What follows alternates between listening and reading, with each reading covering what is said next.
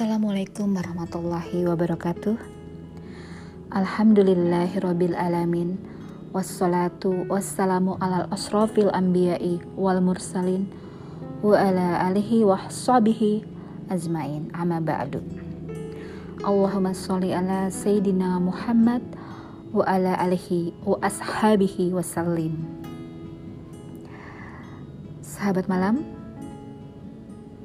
Malam ini saya mau berbagi ilmu, mudah-mudahan bisa dipakai yang cocok dan yang gak cocok bisa dibuang. Saat ini saya ingin berbagi tentang kitab dari karya Imam Al-Ghazali rahimakumullah yaitu kitab Ihya Ulumuddin. Penjelasan ini saya dapatkan di kajian ilmu yang saya ikuti dari seorang guru tercinta yang telah membagikan ilmunya dan insya Allah mudah-mudahan bermanfaat buat kita semua amin dalam kitab Ihya Ulumuddin ini dijelaskan tentang sesuatu akan menjadi mulia apabila sesuatu ini menjadi perantara suatu tujuan yang mulia. Apabila tidak menjadi perantara suatu tujuan yang mulia, maka benda ini tidak akan menjadi mulia atau menjadi biasa saja seperti halnya barang-barang yang lain. Diberikan contoh di sini adalah uang. Apabila uang dijadikan sebagai penghantar mas kawin, di situ ada tujuan pastinya yang mulia untuk mewujudkan suatu ikatan antara dua insan, maka uang bisa dijadikan menjadi perantara untuk suatu tujuan yang mulia. Yang kedua, sesuatu dikatakan mulia karena memang zatnya yang sudah mulia. Di sini dicontohkan yaitu kenikmatan akhirat.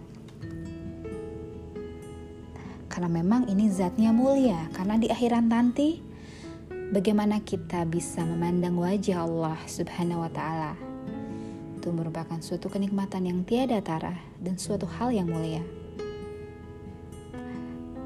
Maka hal ini dikatakan mulia karena memang sudah zatnya adalah yang mulia. Kemudian yang ketiga, selain memang zatnya mulia, juga sebagai perantara untuk menggapai sesuatu yang mulia juga. Di sini, salah satunya dijelaskan bahwa itu adalah ilmu ilmu suatu yang menyenangkan, mengasyikkan. Semakin kita banyak mencari ilmu, kita pastinya akan mena akan bertambah. Bertambah amalan solihah, bertambah bahagia, bertambah menjalankan segala sesuatu dengan tuntunan. Mengapa ilmu selain memang zatnya mulia dan juga sebagai perantara untuk menggapai sesuatu yang mulia.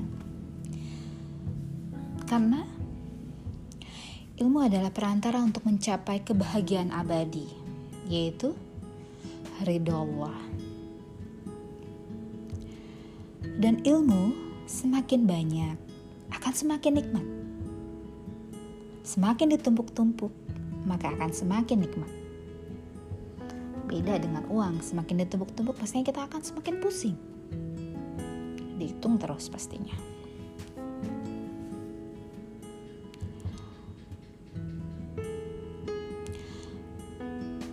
Dan ilmu juga digunakan untuk menggapai kebahagiaan abadi. Melalui apa? Melalui amal soleh. Amal soleh ini didapat melalui tuntunan ilmu.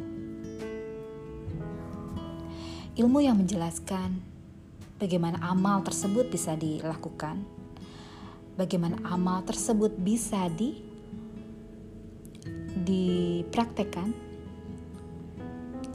maka amal butuh sekali ilmu.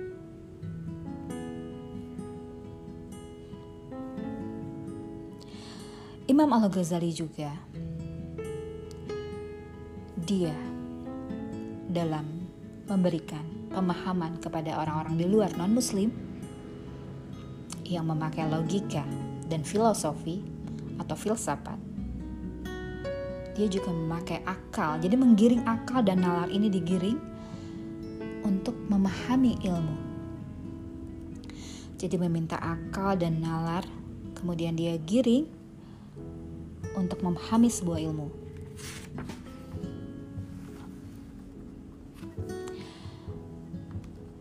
Dan Imam Al-Ghazali juga tidak akan memakai lisannya. Apabila masih ada hadis, apalagi sohih, doif, dia tidak akan memakai lisannya untuk menjelaskan apa yang menjadi tuntunan yang akan dijelaskan dalam ilmunya ini, dalam bukunya ini. Maka dia mempergunakan hadis, walaupun hadis itu doif.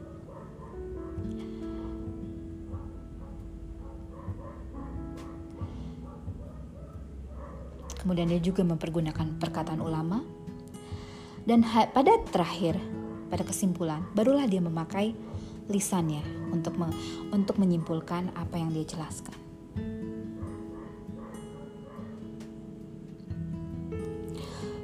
Itu yang secuplik awal dari kitab Ihya Ulumuddin yang baru saya dapatkan. Mudah-mudahan nanti akan kita dapati lagi lanjutannya pada kajian-kajian selanjutnya.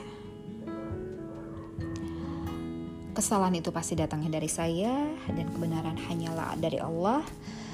Mohon maaf apabila ada yang salah dan kurang. Wabillahi taufiq wa hidayah. Wassalamualaikum warahmatullahi wabarakatuh.